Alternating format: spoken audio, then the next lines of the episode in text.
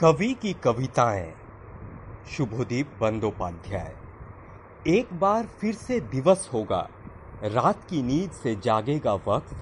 कहीं जीत का उल्लास तो कहीं हार का मातम होगा।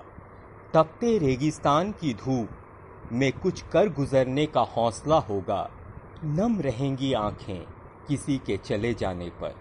गुलिस्ता में फिर भी गुलाब बहार होगा। अंधेरे से होती हुई ज़िंदगी में उजालों का दीदार होगा। कुछ ले जाना अगर हो खास तो मुट्ठी भर यादों का एहसास होगा। कैद बेड़ियों में शख्सियत हो अगर, आसमानों में आज़ादी का शोर होगा।